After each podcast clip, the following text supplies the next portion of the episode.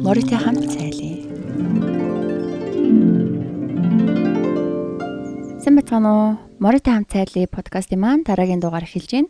Энэ удаа та бүхэнтэйгээ бид нэр цай уснараа хэрхэн дэлхийг хайрладаг вэ гэдэг талаар ярилцъя.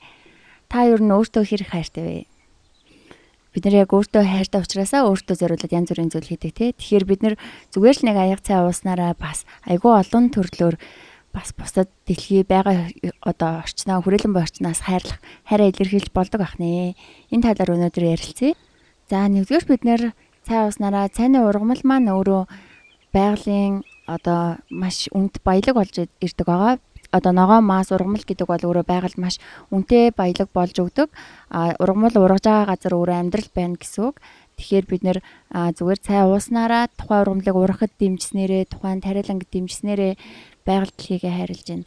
А тэрний дараагийн маш одоо бидний нүдэнд харагдах бодит одоо давуу тал буюу байгалаа буцаагаад хайрлаж байгаагаа яаж харж болох вэ гэхээр цайны уусан шаараараа бид нэр дахин боловсруулах боломжтой. Тэр нь болохоор зэрэг одоо цэцэг ногоогоо бордоо болгодог ч юм уу эсвэл ингээд хаяглуудаа цуглуулж агаад ямар нэгэн байдлаар одоо цэцгийн сав хийдэг ч юм уу эсвэл цайныхаа савлгааг дахин дахин ашигласнараа бид нэр ингээд ямар нэгэн байдлаар байгаль дээлтэй худалдаа авалт хийж байгаа гэсэн үг. Аа тэрний дараа болохоор зэрэг хариуцлагатай цайны тариалан гэсэн ойлголт энд гарч ирдэг. Таны ууж байгаа цайны үйлдвэрлэгч нь өөрөө хариуцлагатай байх юм бол энэ нь өөрөө цөлжилтийг бууруулад маш том одоо хувь нэмэр оруулж идэг. Жишээлбэл одоо миний өөрийн эрхэлдэг High Garden гэдэг цайны брэнд байгаа. Энэ болохоор зэрэг бид нэр говьд цайнуудаа ургуулад тэр нь өөрөө буцаад байгаль орчиндөө маш том өгөөжийг өгдөг. Энэ болохоор зэрэг эдийн засагт засгийн үр ашигтай бизнес гэж явдаг. Яаж одоо нөлөөлөх вэ гэдгийг танд ярьж өгье л та. Жишээлбэл та чихэр үс гэдэг ургамлын цай уулаа. Тэнгүү чихэр үс гэдэг ургамлын цай маань өөрөө чихэр үсний үнцээр хийгддэг. Үнц нь одоо маш хүчрхэг үнцтэй юм ургамал байгаа.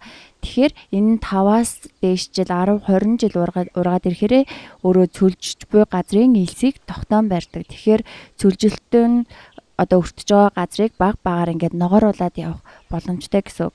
Тэгэхээр та одоо өөрийнхөө ойр орчинд байгаа тийм локал буюу орон нутгийн брэндүүдийг эсвэл тухайн одоо улс орныхоо брендийг дэмжиж цайг нь худалдаж авч ууснараа тухайн улс орныхоо цайны тариалан өөрөө дэмжиж гин гэж үздэг. А нөгөө талаараа бид нар бас цайгаа сонгож авахдаа одоо ургуулаагүй бас цай худалдаж авч болно. Энэ маань болохоор зэрэг буцаагаад байгаль одоо орчин нээлттэй үсгийг хангаж хянахад одоо жоохон эрсдэлтэй байдаг. Яагаад тэгэхээр маш олон хүнээр хэрвээ байгалийн ургамлын цайг түүж бэлтгэж байгаа бол энэ нь буцаагаад байгаль орчиндөө одоо сөрөг нөлөөтэй байх боломжтой. Тэм болохоор та бас зүгээр нэг аяг цай авч уухдаа байгаль орчныг бас хайрлаж болох нэ. Хариуцлагатай цайны тариалантай газрыг сонгож одоо цайг нь авч ууснараа та өөрөө өөртөө сүлжилтийг буруухад маш том хувь нэмэр оруулна. Жишээлбэл та Монголд ургаж байгаа цайг ингэж худалдаж авч угаад сүлжилтэнд бууруулснараа та Япон солонгост болох тэр шар шуургыг зогсооход хүртэл нөлөөлөх одоо ийм том хүчин зүйл нөлөөлж болно. За үүний дараа бас нэгэн а одоо байгалаа харилж байгаа тий цай ууснараа юуг хариуж болох вэ гэхээр та алслагдсан нутгийн ард иргэдийг цалинтай болгож одоо тэдний ажлыг нь бас дэмжиж байгаа. Тэгэхээр одоо цайчин дэлхийд даяар маш олон улсад ургадаг. Гэхдээ дандаа хөдөө бүр алслагдсан нутгуудад ургадаг байгаа. Тэгэхээр та ханаас ч цай худалдаж авсан тухайн одоо улсынхаа хамгийн алслагдсан нутгийн ард иргэдийг бас дэмжиж байгаа гэдэгтээ итгэлтэй байж болох нэ. Тэгээд мэдээж цай маань цай уугаа суухаараа та өөрийгөө болон хамт сууж байгаа хүмүүсийнхаа сэтгэл санаа тэр орчныг бас дулаан дулаацуулж өгч яадаг. Одоо ямар нэгэн аливаа уулзалт цуглаан хийлээ гэхэд та заавал одоо уух зүйлээрээ цайг оруулж ирвэл илүү их үр дүнтэй байдаг. Ягаад тэгэхээр цай ууж байгаа хүмүүс маань нерв зүтггүй байна л да. Тийм болохоор та хэрвээ их чухал хилцээр хийж байгаа бол тэр уулзалтныхаа уух зүйлээр нь цайг бас сонгож үзээрэй гэж танд зөвлөх байна. За ер нь бол Монголд маань одоогоор 800 гаруй цайны үйлдвэр байдаг. Ерөнхийдөө болохоор зэрэг гурван төрөлд ингээ хуваагдж байгаа. Тэр нь болохоор гаднаас цай оруулж ирдэг, шууд одоо савлж зардаг. А байгалаасаа түүж бэлтгэдэг болон одоо сүүлд бас ганц хоёрхан компани хийж байгаа цайгаа тарьж ургуулж байгаа цайнууд гээд. А тэнгүүд та болохоор зэрэг одоо сонгоцоод ямар та ер нь хачуух вэ гэж бас бодож яж болно.